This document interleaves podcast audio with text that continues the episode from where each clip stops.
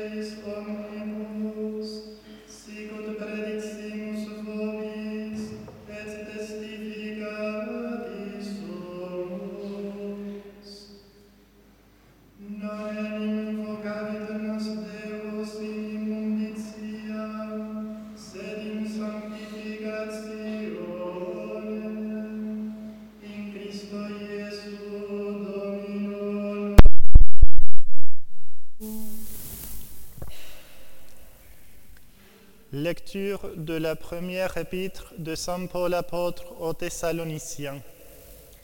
Frères, nous vous en prions et supplions dans le Seigneur Jésus. Vous avez appris de nous comment vous devez marcher pour plaire à Dieu, et c'est ainsi que vous marchez. Progressez encore car vous savez quelles instructions nous vous avons données de la part du Seigneur Jésus.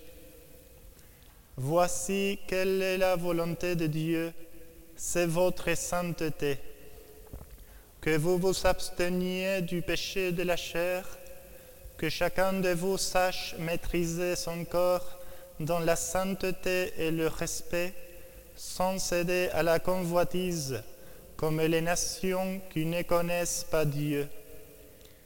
Sur ce point, que nul n'offense ou ne trompe son frère, car le Seigneur tire vengeance de tout cela, comme déjà nous l'avons dit et attesté.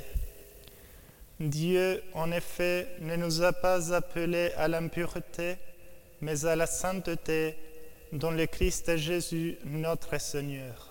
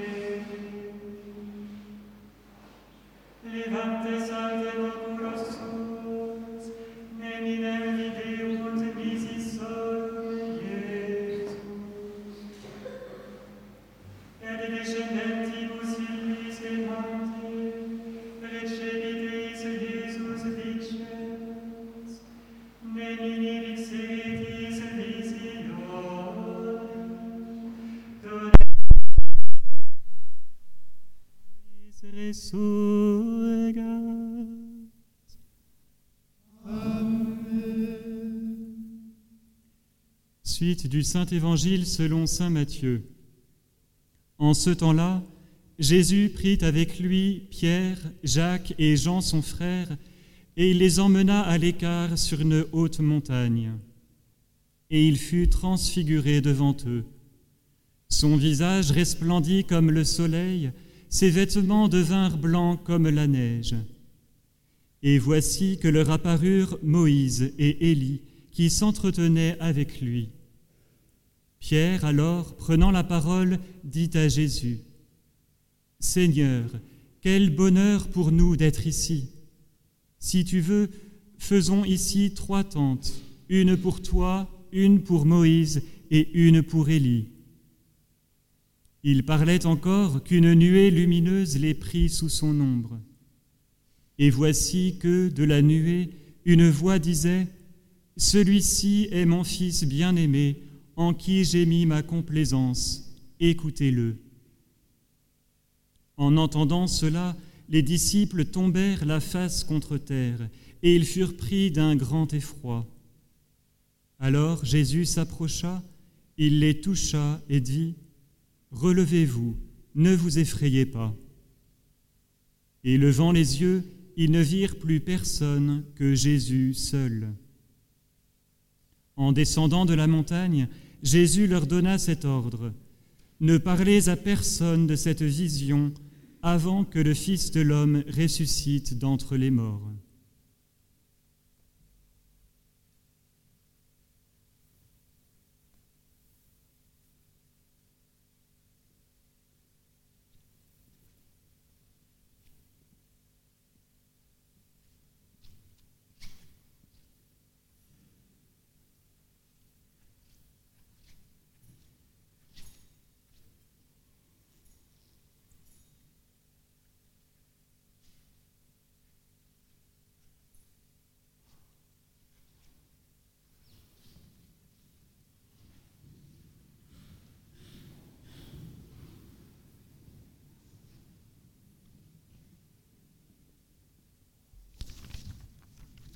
Au nom du Père et du Fils et du Saint-Esprit, ainsi soit-il.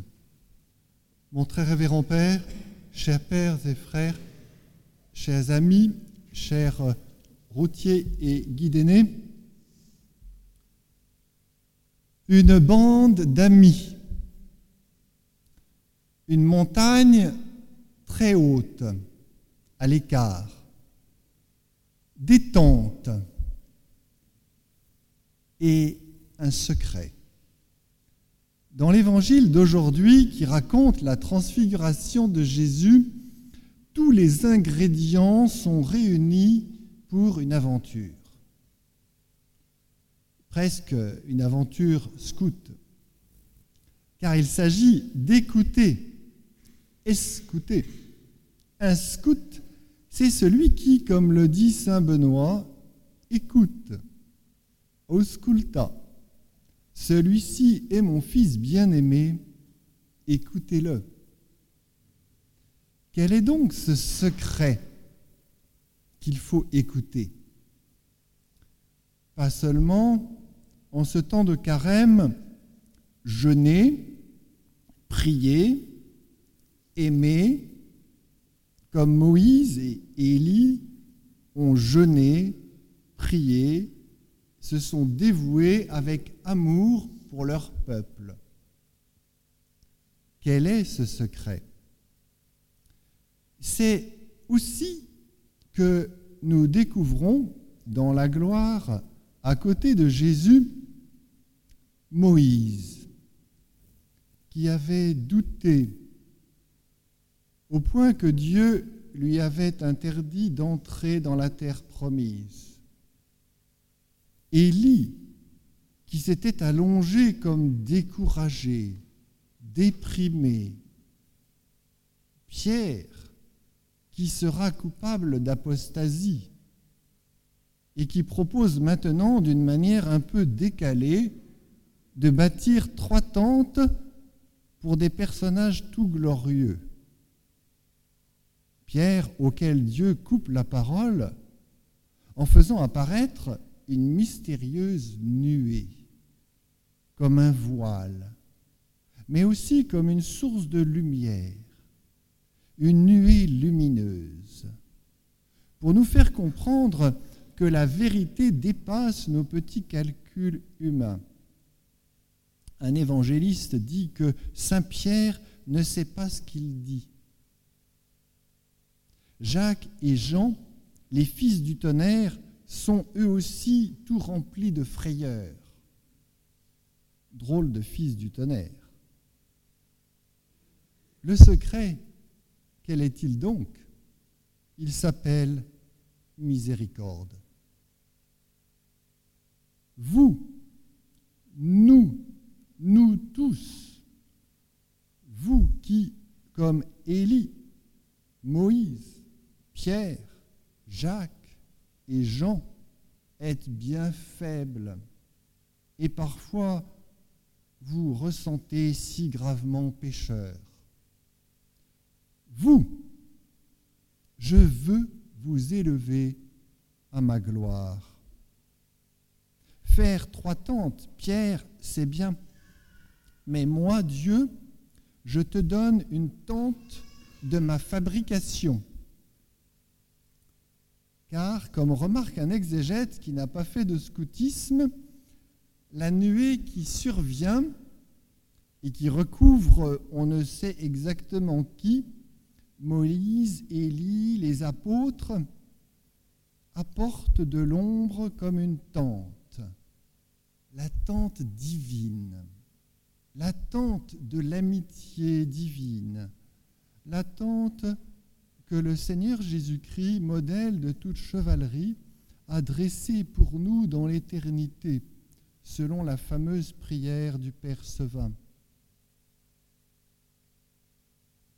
Nos préoccupations sont souvent très mélangées, comme celle de Saint Pierre.